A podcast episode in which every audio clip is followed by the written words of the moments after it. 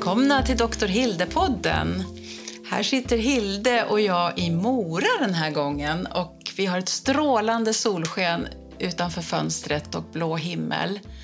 Ja, varför är vi här, Hilde? Ja, det är dagen efter. Dagen efter, ja. Igår åkte jag öppet spår Vasaloppet, 90 kilometer. Det var strålande väder, det var underbart och det var en otrolig upplevelse. Och jag klarade det! Fantastiskt bra jobbat. Vi, vi, var ju och tittade på dig eh, vid Evertsberg, jag och din man. Och vi var så glada att vi hann i tid. Ni vet, det är mycket trafik och man ska få till det där innan Hilda hunnit vidare. Och vi hann ju se dig precis när du Ja. kom dit och då är det halvvägs. Hur kändes det då, då när det var halvvägs? Ja, halvvägs. Det var bara glädjande. Åh, men den första halvan var ju lättast, även om det var ansträngande uppför backen där i Sälen.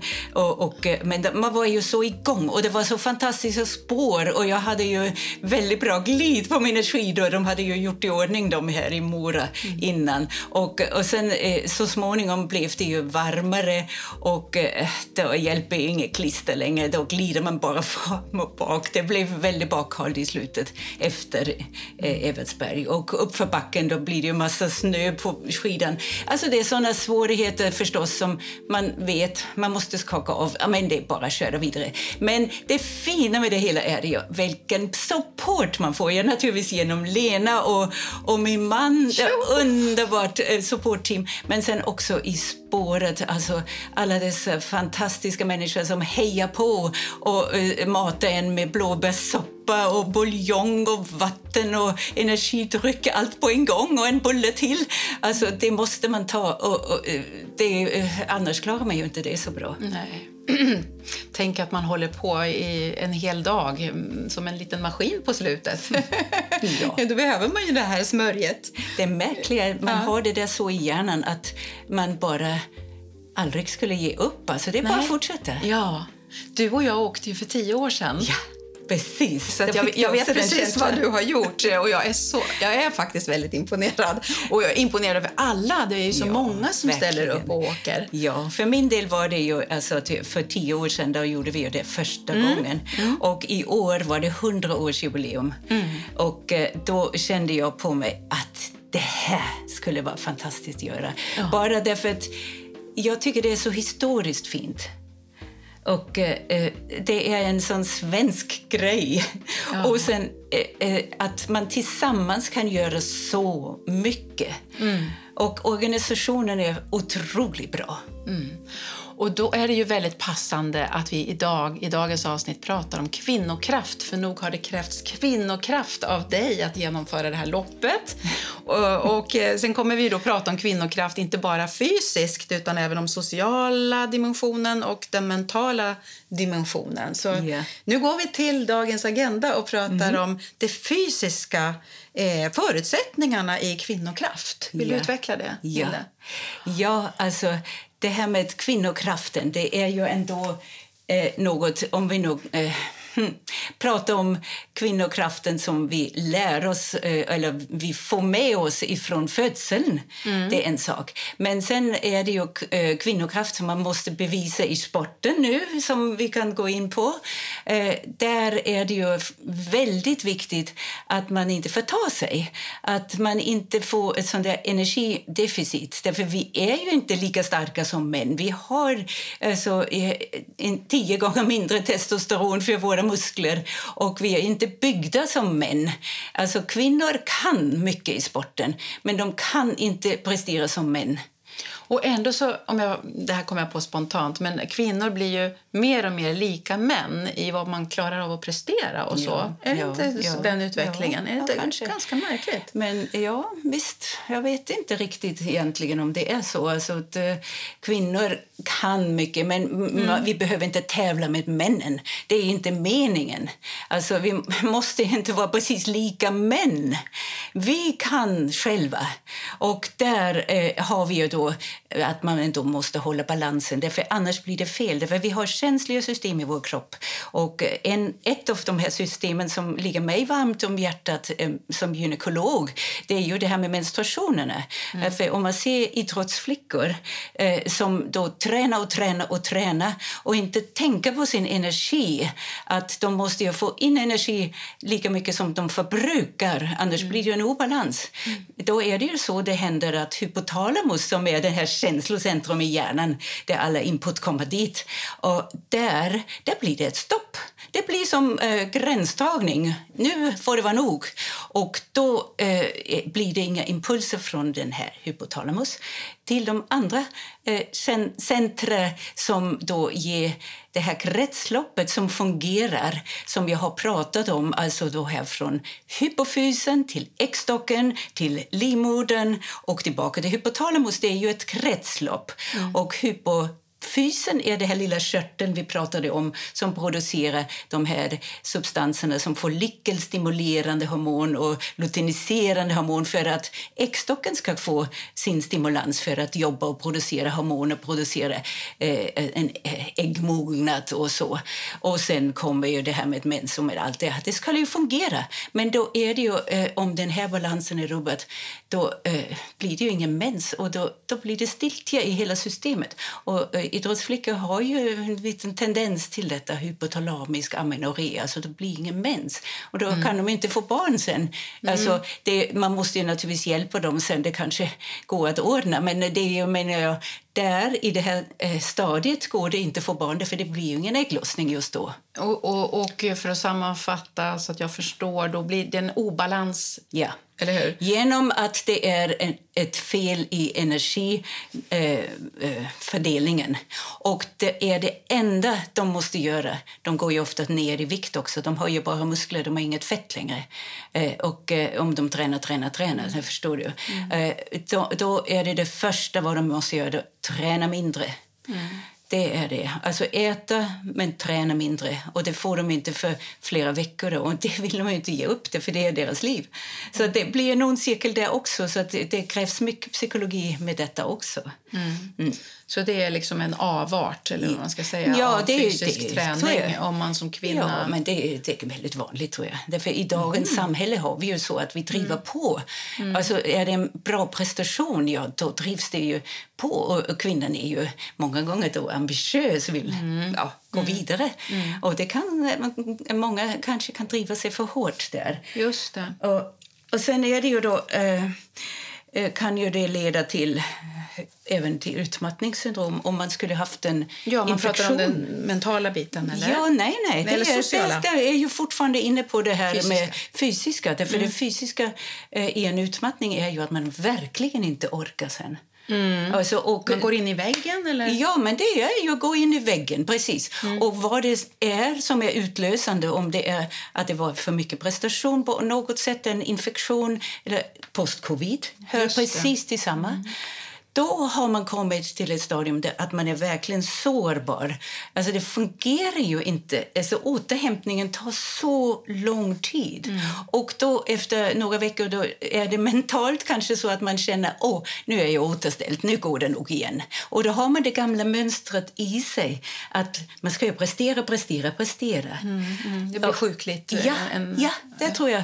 Och, och ja, sjukligt, inte bara sjukligt, det är en sätt att leva. Man har ju fungerat bra för förut. Mm. Man fattar inte att man måste ändra hela, hela alltet. Mm. Jag kan ju kanske jämföra med om en, en dator får, får virus i. Ja, då får man ju låta den vara bara. Man ska inte gå in i det här med virussmitta. Då måste, ja, då måste man helt enkelt börja om igen. Och här i det avseendet är det ju att starta om sitt liv med de förutsättningar som är nya. Och eh, det är att ta det väldigt, väldigt mycket lugnare. Alltså en som har gått igenom eh, post-covid nyligen ska absolut inte åka Vasaloppet trots att det skulle kännas jätteroligt mentalt. Mm. Det är det jag menar. Mm. Och samma, det, ja, det är ju det som jag vill säga om det fysiska. Sen, eh, ja, vad sa du, det mentala? Jag vet att vi kvinnor och män är ju olika mentalt också. Vi har kanske lite mer eh, kopplingar, att vi kanske inte bara fokuserade på en sak. Men trots allt eh, kan vi vara fokuserade så som jag var igår. Ja, just jag hade inget annat i huvudet. Nej. Och det är ganska avkopplande, eller hur? Att ha bara ett fokus. Ja. Är det inte det? det? Och idag, alltså egentligen är det så ah, fantastiskt som vi har det, men samtidigt tänker jag på Ukraina och på krigshotet mm. och på allt detta som har påverkat oss alla så mycket. Mm. Och då tänker jag precis på den här sociala eh, sammanhållningen eh, som eh, kvinnor har varit utsatta, om jag nu återgår till mm. kvinnokraften. Mm, ja. Alltså, tänk alltså hur, hur eh, kvinnor under kriget har stått ute och var ensamma och, så, och, deras män har varit på fronten. Det har upprepats i årtusenden om och om igen. Och kvinnan har fått sköta allt hemma. Många barn, gården, vad det nu var. Mm. Och eh, vi får bara hoppas att det på något sätt går att stoppa dårskapet i den här nya utvecklingen. Hilde, vad ger flickan kvinnokraft om man tittar på den lilla flickan? Ja, den lilla flickan. Där kommer vi in i ett väldigt trevligt tema, tycker jag. Mm, jag. Det här, vad kan vi göra för flickan att hon kommer att vara stark och ha kvinnokraft? Eller hur? Ja. Ja. Ja, jag skulle ju säga att eh, där har vi ju eh, mycket som påverkar redan eh, genetiskt. Alltså det, hur är förutsättningar när hon är född. Och det är vi väldigt olika. Alltså, har mamman haft en svår graviditet och förlossning eller om det är någon annan skada som har varit genetiskt som ett problem, ja, då är det de förutsättningar som gäller. Och då måste man utgå från de förutsättningarna. Mm. Men ett normalt barn som har fått mycket med sig behöver ju sedan hela det här med att en trygg familj eh, kan ge kraft och eh, mm. eh, alltså, ut, låter flickan utveckla sig. Och det finns inte i hela världen. Alltså, det är ju, tänk alltså vad olika det är mm. eh, eh kulturellt. Ja. Ja. Mm. Men nu tar vi eh, om oss här i, eh, där vi ändå har alla förutsättningar mm. i, i den här demokratiska världen. Ja, jag tänker Hilde, du och jag har ju lyssnat på Michelle Obamas podd. Ja, Eller hur? Det. Och oh. hon är ju en, en förebild eh, vad gäller kvinnokraft. Ska och, vi ta Michelle Obama som, ska vi inte som, göra det som ja, ett exempel? Som ett exempel för det här. ja. ja, det tycker jag är jättebra. Ja. Alltså podden, vi, vad heter den nu igen? Åh, vad hette podden egentligen? Michelle Obama podcast. Ja. Den är på engelska, ja. men det, hon pratar så himla bra. Alltså jag tror att vi alla kan förstå vi som har lärt ja, oss engelska, tror jag. Och hon har spelat in tio avsnitt och, och det handlar ju väldigt mycket om relationer som, som är viktiga för henne och som har byggt hennes kvinnokraft. Ja, precis. Och det finns ju mm. fyra områden som vi ska prata om nu, du och jag. Det är ju det här med föräldraskap, mentorskap, systerskap och sen frustration och förtvivlan som drivkraft. Ja, precis. Uh, och uh, om vi då tar Michelle Obamas föräldraskap, för du började prata om fröet, om, om individen, vad den mm. kommer till, mm. till, till jorden med för förutsättningar. Men sen är det ju mycket som ska ske för att kvinnokraften ska kunna spira. Mm. Och föräldraskapet är ju en viktig sak. Mm. mm. Va, vad har du mer att säga om föräldraskap, Hilde? Ja, föräldraskap, alltså alla har ju inte sådana förutsättningar så att allt är lyckat. Men en mamma och en pappa som älskar varandra och som är överens om eh, barnuppfostran och allt annat i livet. Eh, så det är ju guld värt. Och att de inte bekämpar varandra. Så, och att det är inte droger och annat. Alltså det, det är naturligtvis väldigt, eh, hon var väldigt lyckligt lottad, Michelle Obama, att hon hade föräldrar som verkligen var bra föräldrar mm. och överens. Och hon fick ju en bror först. Alltså först var det eh, föräldrarna fick en pojke och, och sen kom Michelle några mm. år efter. Och eh, det är ju, om ni tänker, det är ju 60-talet i USA. I, ja, ett par som var svarta. Alltså. Det, Mm. det är ju I Chicago-trakten, Ja? Chicago-trakten. Alltså, eh, men det, det intressanta och slående är ju att hon har aldrig pratat om att hon var diskriminerad därför eh, hon var en annan, alltså hon var av eh, svart, vad säger man, svart ras, Eh, afroamerikansk. Hon gick ju i skolan med vita ihop och gick en lång karriär och kom ju väldigt långt. Och sen blev hon first lady. Den första svarta first lady i USA. Ja. Är helt otroligt. Men hon, eh, hon eh, har ju växt upp i en familj som är väldigt eh, fungerande. Eh, är ju eh, en viktig faktor för hennes kvinnokraft. Ja. Och då var det så att ma- mamman var hemmafru och pappan jobbade så pass mycket, skift och allt möjligt, så att han klarade av att försörja familjen. Det var ju en ideal på den tiden, ett ideal eh, att eh, vara he- hemma och sköta eh, barnen och alltså även status. Idag är det ju inte så längre. Då ska kvinnan ut och jobba också. Det är mer status. Det skulle vara konstigt att inte vara eh, eh, ute och jobba lite. Men det är inte konstigt tycker jag egentligen, därför det finns mycket jobb hemma. Och det skötte ju mamma Obama. Eh, Obama hette hon ju inte då. Vad hette hon? Kommer det inte ihåg. jag inte Eh, ihåg. Ja, spelar ingen roll. Eh, eh, Michelles mamma i alla fall. Bra. Eh, och ehm, ja, sen tyckte hon väl om pojken lite mer än flickan kanske. Sa det någonting om det? Ja, alltså mamman, eh, Michelles mor, hade ju en favorit i, av barnen och det var ju sonen, förstfödde sonen, inte, inte Michelle. Men det hade ju inte Michelle några som helst problem med att det var på det viset. Hon kände sig ju älskad ändå. Det kan ju annars vara ett problem mellan syskon. Ja, men, men, men hennes bror behandlade ju henne så pass väl. Mm. Eh, det fanns ju en eh, jämlikhet mellan dem, att de var lika mycket värda och allt det här. Ja. Tror du inte att det Ja, tror påverkade jag. Och, och det var väl också att, att hela familjen var, de var ju så öppna. De kunde prata om allt och ställa dumma frågor och fick alltid svar av sina föräldrar. Och eh, det var alltså verkligen demokratisk anda där hemma, tror jag. Och eh, därför var det också att båda, alla var ju lika värda. Och eh, Michelle eh, uppmuntrades ju till sport. Just det. Eh, För hennes bror var ju så duktig. Vad var det? Basket, eller? Jag tror det. Mm.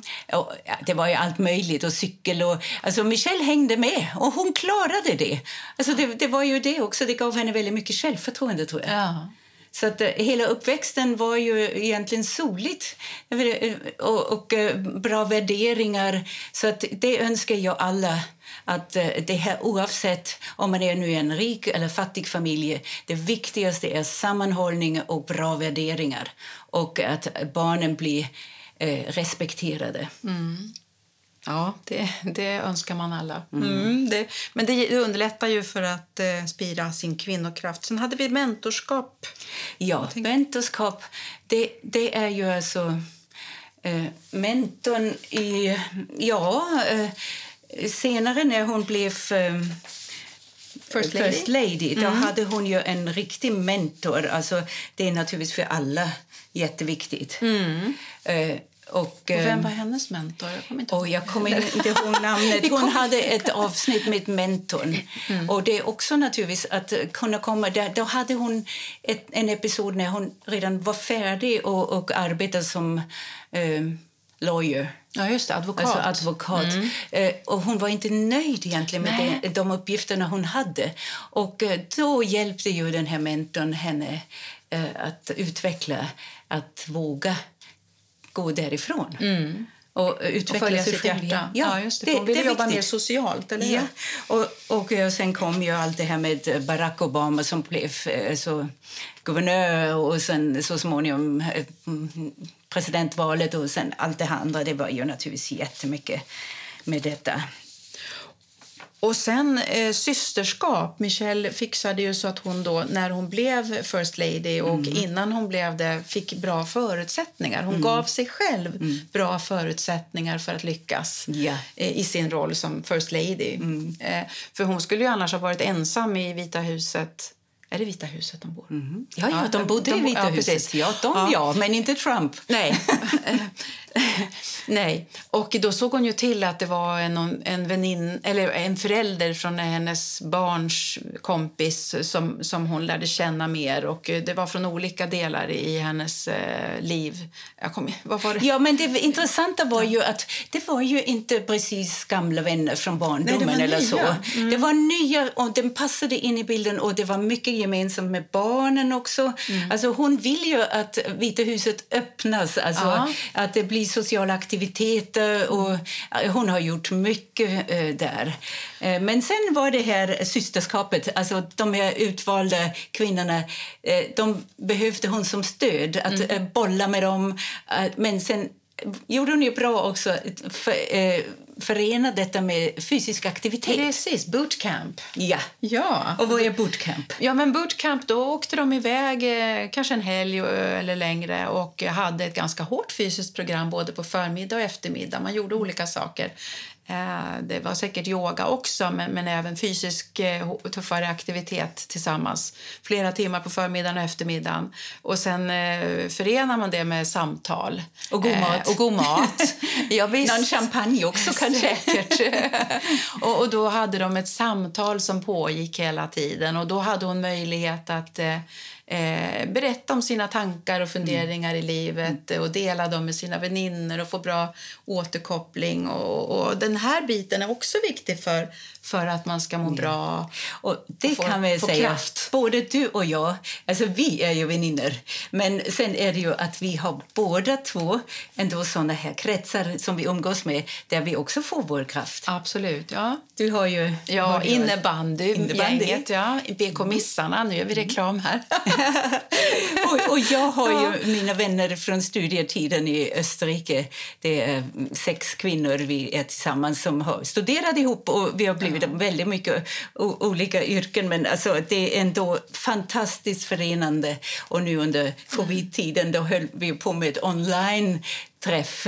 Eh, och ah, vad roligt vi har. Men vi har gjort massa annat. Vi träffas i olika länder där vi är bosatta. För jag är i Sverige, den andra väninnan i Grekland och sen de i Österrike så att vi byter lite. Mm. Men det här eh, ger så mycket. Men då är det ju kanske också det här gamla där man har med sig från ungdomen. Mm. Det är lite mer en fortsättning av det gamla livet. Men sen har ju jag också i Sverige naturligtvis massa sådana här liknande eh, för, eh, grupper som jag kan träffa.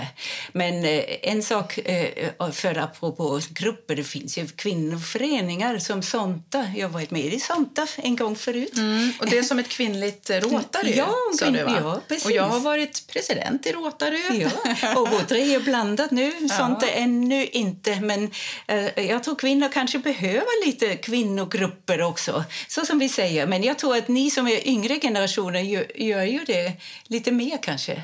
Tror du det? Eller är det i vår ålder också? ja, det tror jag. jag vet inte det, vilken, hur det sprider sig över ja. åldrarna. Men... Nej, men sen, tänk på hur Sverige har det med eh, resor man organiserar. Alltså, man är ju väldigt bra i Sverige att organisera. Och då kan det ju bli att det blir grupper som träffas som är likasinnade. Mm. Sen tänker jag också på det här med kör som både du och jag har varit med i. Ja. Det är väldigt socialt också. Och den mm. sociala biten i kör, det blir ju att man pratar mycket mm. mellan, ja. mellan sångerna.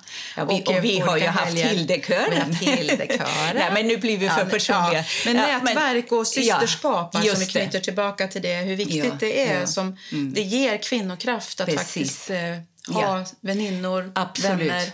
Och att dela erfarenheter. Mm. Och vi kvinnor pratar ju mer, tror jag, än män. Också lite mer i djupet om våra känslor med mm. kvinnor, med våra närmaste mm. som vi kan ha förtroende till. Mm. mm. mm. Och Det gör mycket, därför man mognar genom att kunna prata om, om sina problem om det uppstår. Det är inte konstigt alls. Nej. Och sen ska vi gå till sista då. Frustration ja. och förtvivlan. Ja. Det Ja, berätta om den drivkraften. Oh, ja, det är en drivkraft. Vad vore kvinnokraften utan den här eh, förtvivlan och frustration som man upplever ibland. Alltså orättvisa och eh, allt eh, negativt i världen. kämpa för sitt barn. i skolan eller var som helst. Eh, Man blir ju som en, en björnmamma, tror jag, Ja. att för, eh, försvara sitt barn. Och eh, sen om man tänker förtvivlan... Eh, det, det gör i, återigen i krigssituationer att man står ut. Man klarar av det, i alla fall, mot alla odds-. Mm, då, då, då, precis, det ger en extra kraft. Mm. Ja, Tror jag. man måste. Eh, Ja. Men så vill man förändra eh, och då får man också kraft eh, om man lyckas med det Ja, man försöker ja, i alla fall. ja, oh ja. Mm. Okej. Är vi klara med våra förutsättningar Ja, det tror för jag. kvinnokraft? Jag tror det. Jag tror det också. Och sen då, eh, om man tänker sig kvinnan efter menopaus och kopplat till kvinnokraft. Ja. Alltså nu är ju, tycker jag, Michelle Obama nu eh, ett exempel eh, för eh, kvinnokraft. Eh, Och som hon har gjort nu under egentligen hennes klimakteriet. Ja. Det var ju under den tiden hon blev presidentfru Ja. Eh, och eh, gjorde allt detta.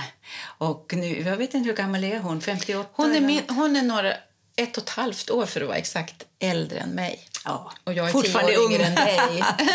ja, det är olika. Ja, nej, har vi nog lite olika generationer, men Mm. jag känner att eh, det här med förebilder efter menopausen, det är lite så här att efter menopausen har jag en känsla av att vi kvinnor blir på något sätt starkare.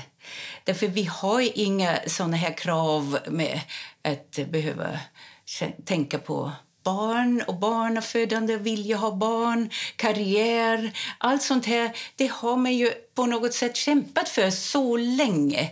Och eh, om man är Men kring 55... karriär, har man släppt karriären? Nej, inte släppt. Nej. Mm. Men man har ju sin erfarenhet och gått igenom mycket. Alltså, jag menar erfarenheten av livet fram till Mm. 55, om man säger så. Där det mesta är över, även med menopausen. Mm. För många i alla fall. För 52 är ju eh, åldern för menopausen och plus minus, det kan ju naturligtvis vara flera år. Men det är ju, jag kopplar det till mensens slut, men det händer ju så mycket i kroppen där också.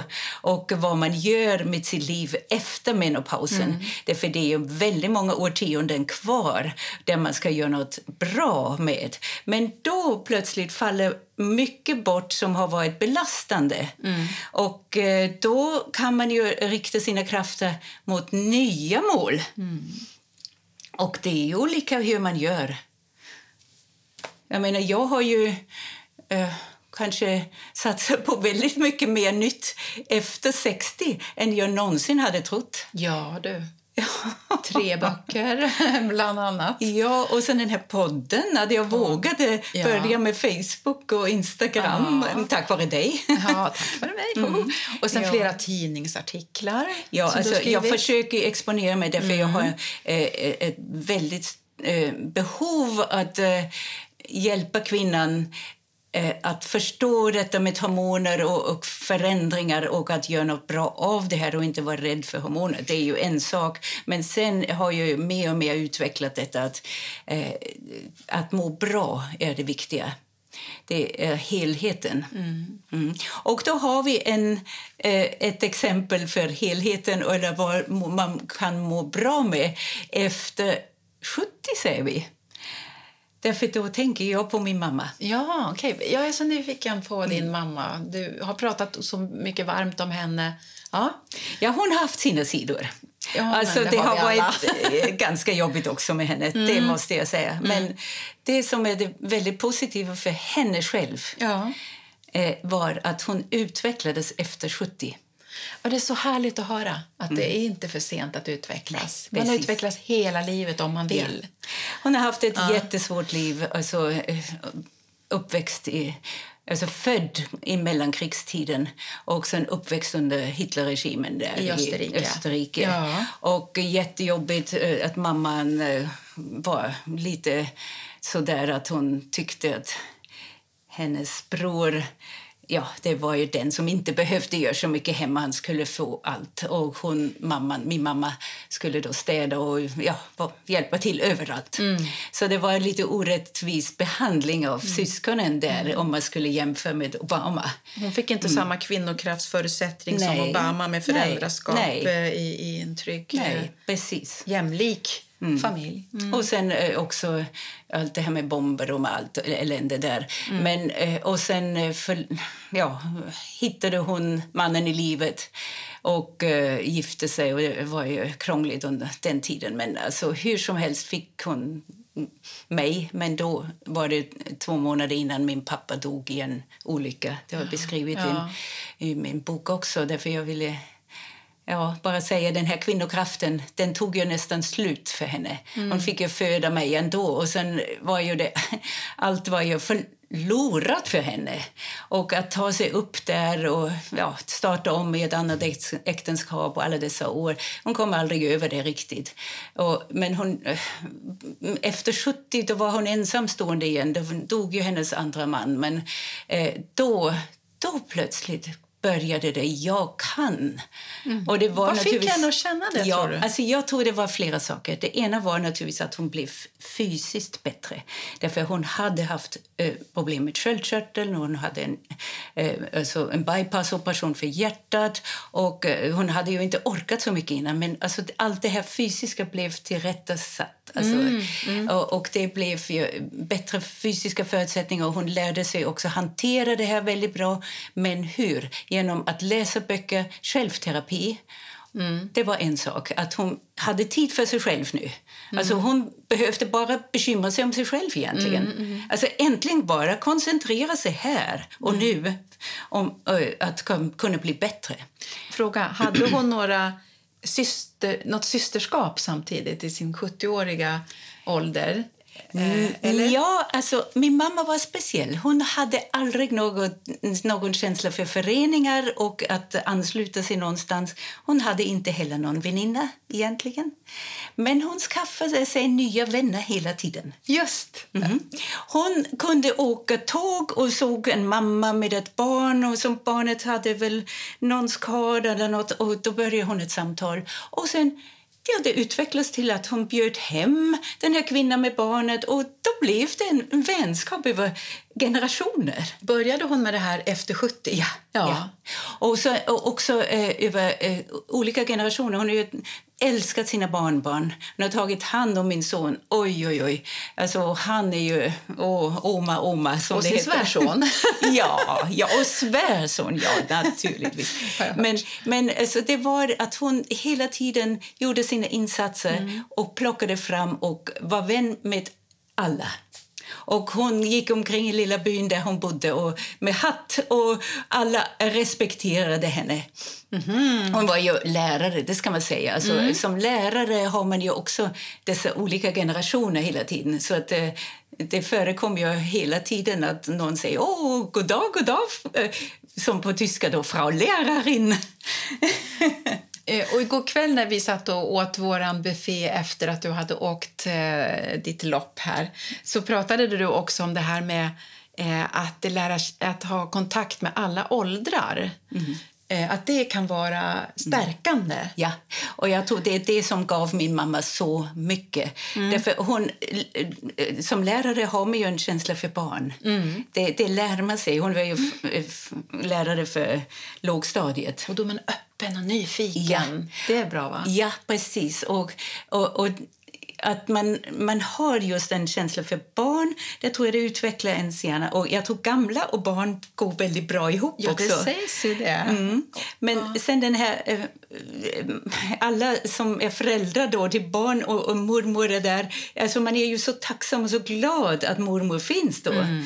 Mm. Och eh, då är ju nästa generation också inkluderande. Mm. Därför de, de, ja, de är ju glada att, att man kan hålla ihop. Mm. Och, och jämnåriga ska man ju också ha vänner, tycker jag. Eh, att man förstår varandra. Mm. För det är svårt om man blir så gammal att eh, alla har dött i samma ålder. Det är ju förfärligt mm. egentligen. Mm, så att man försöker naturligtvis hålla ihop. Mm. Så kvinnokraft, det, det, det, vi behöver varann för att vara starka kanske, Ja, kan ja. vara en slutsats. Ja, och det är den här sociala förmågan tror Ja. jag eh, som kvinnan har fått lära sig genom årtusenden. Mm. Eh, vill du säga något mer om din mamma? Och hennes... Nej, eh, alltså hon dog ju för ett år sedan och eh, eh, ja, det var ett... Eh, Hon blev gammal, hon blev ja, över 90 år. 92 och eh, det var fulländat. Ja. Hon var klar. Mm. Nej, egentligen inte. Därför Nej. hon sa "Aj, ja, men jag skulle så gärna vilja leva lite till. För det är så roligt att leva. Ja, men du ser. Vilken Ja. härlig inställning. Ja, Ja, ja. Den vill jag behålla hela livet också. Ja. ja. Det är en förebild. Jag ska Ja. tänka på det. och så har vi en förebild till och henne har vi nämnt redan, eller hur? Michelle. Ja, precis. Jag tror att både du och jag Ja, känner. Precis. Efter att ha lyssnat på hennes Ja. podd för egen del. Jag, jag har väl följt henne när hon var presidentfru och tyckt att hon ja, att det var väldigt viktigt också att hon som svart kvinna eh, och han som, som svart president att de tillsammans eh, blev framgångsrika och ledde USA som land. Men att lyssna på hennes podd och förstå hur hon fick eh, i bakgrunden jobba eh, med he- hela sin familj och, och, och så för att få till det och utvecklas själv och göra de här egna Ja, valen. Precis. Att hon ville det. Ja. Hur hon har gjort. Men vet du vad vi glömde med, med Obama? Eh, Nej. vi glömde en viktig sak. Ta Hon det nu. fick en fantastisk partner. ja. Mm. Barack. Och, ja, alltså de två ihop, det är verkligen genomgående eh, en sån harmoni vad de båda två beskriver. Alltså om man lyssnar på Barack, hur han pratar om Michelle och Michelle som har pratat om honom. Alltså det här verkar verkligen harmoniskt och det skulle jag också önska alla, att, att få ett sånt harmoniskt äktenskap. Därför det leder ju till mycket mer styrka. Alltså, om det nu är en man eller om man är gift med en kvinna, det spelar ju ingen roll. Men partnerskap, kanske man ska säga, är jätte, jätteviktigt. Att, att man, ja, man kan ju klara sig själv också naturligtvis, då har man ju många vänner och så vidare. Men det är berikande att ha en partner som förstår en och stödjer en och älskar en. Kärleken kanske är det viktigaste. Ja, nu blir vi filosofiska här. Men vi knyter ändå ihop det till det här med fys- för den fys- fysiska kvinnokraften, tänker jag, eftersom vi sitter här i Mora nu. eh, så jag tänker fråga dig, Hilde, innan vi avslutar. Eh, kommer du att ställa upp i till Vasalopp, tror du? Åh, nej, jag vet inte. Jag tycker inte jag är sån att åh, det måste jag göra igen. Det har jag också lärt mig. Alltså nu har jag gjort det, jag är så nöjd med här och nu och ja, vi får väl se vad som blir i livet. Men jag har inte, åh, jag måste ha det igen. Nej, behöver jag inte. Jag har det inom mig. Ja, fint. Mm. Och jag, jag vill väl tillägga faktiskt att jag har ju åkt Vasaloppet med dig för tio år sedan. Men jag känner att nej, jag vill inte mer. Men, Men däremot vill jag hålla igång. Och jag Ja. tänker så att kanske blir det en tjejvasa. Ja, men vet du, alltså jag tror att det är väl lite det här se. att vi har alla olika förutsättningar. Det kanske jag vill säga i slutet. Att jag kä- känner att jag själv har väl väldigt mycket genetiska förutsättningar för att klara av eh, ett Vasalopp i min ålder. Jag är faktiskt 66. Ja, det är imponerande, Hilde. Men jag trivs med detta och jag utvecklar den sidan av mig därför jag tycker det är roligt.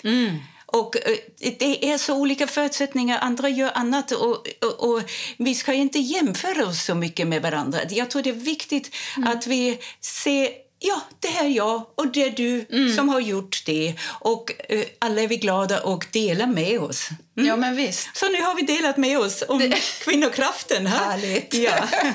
Okej. Okej. Vi säger väl hej då. Hej då! Hej då.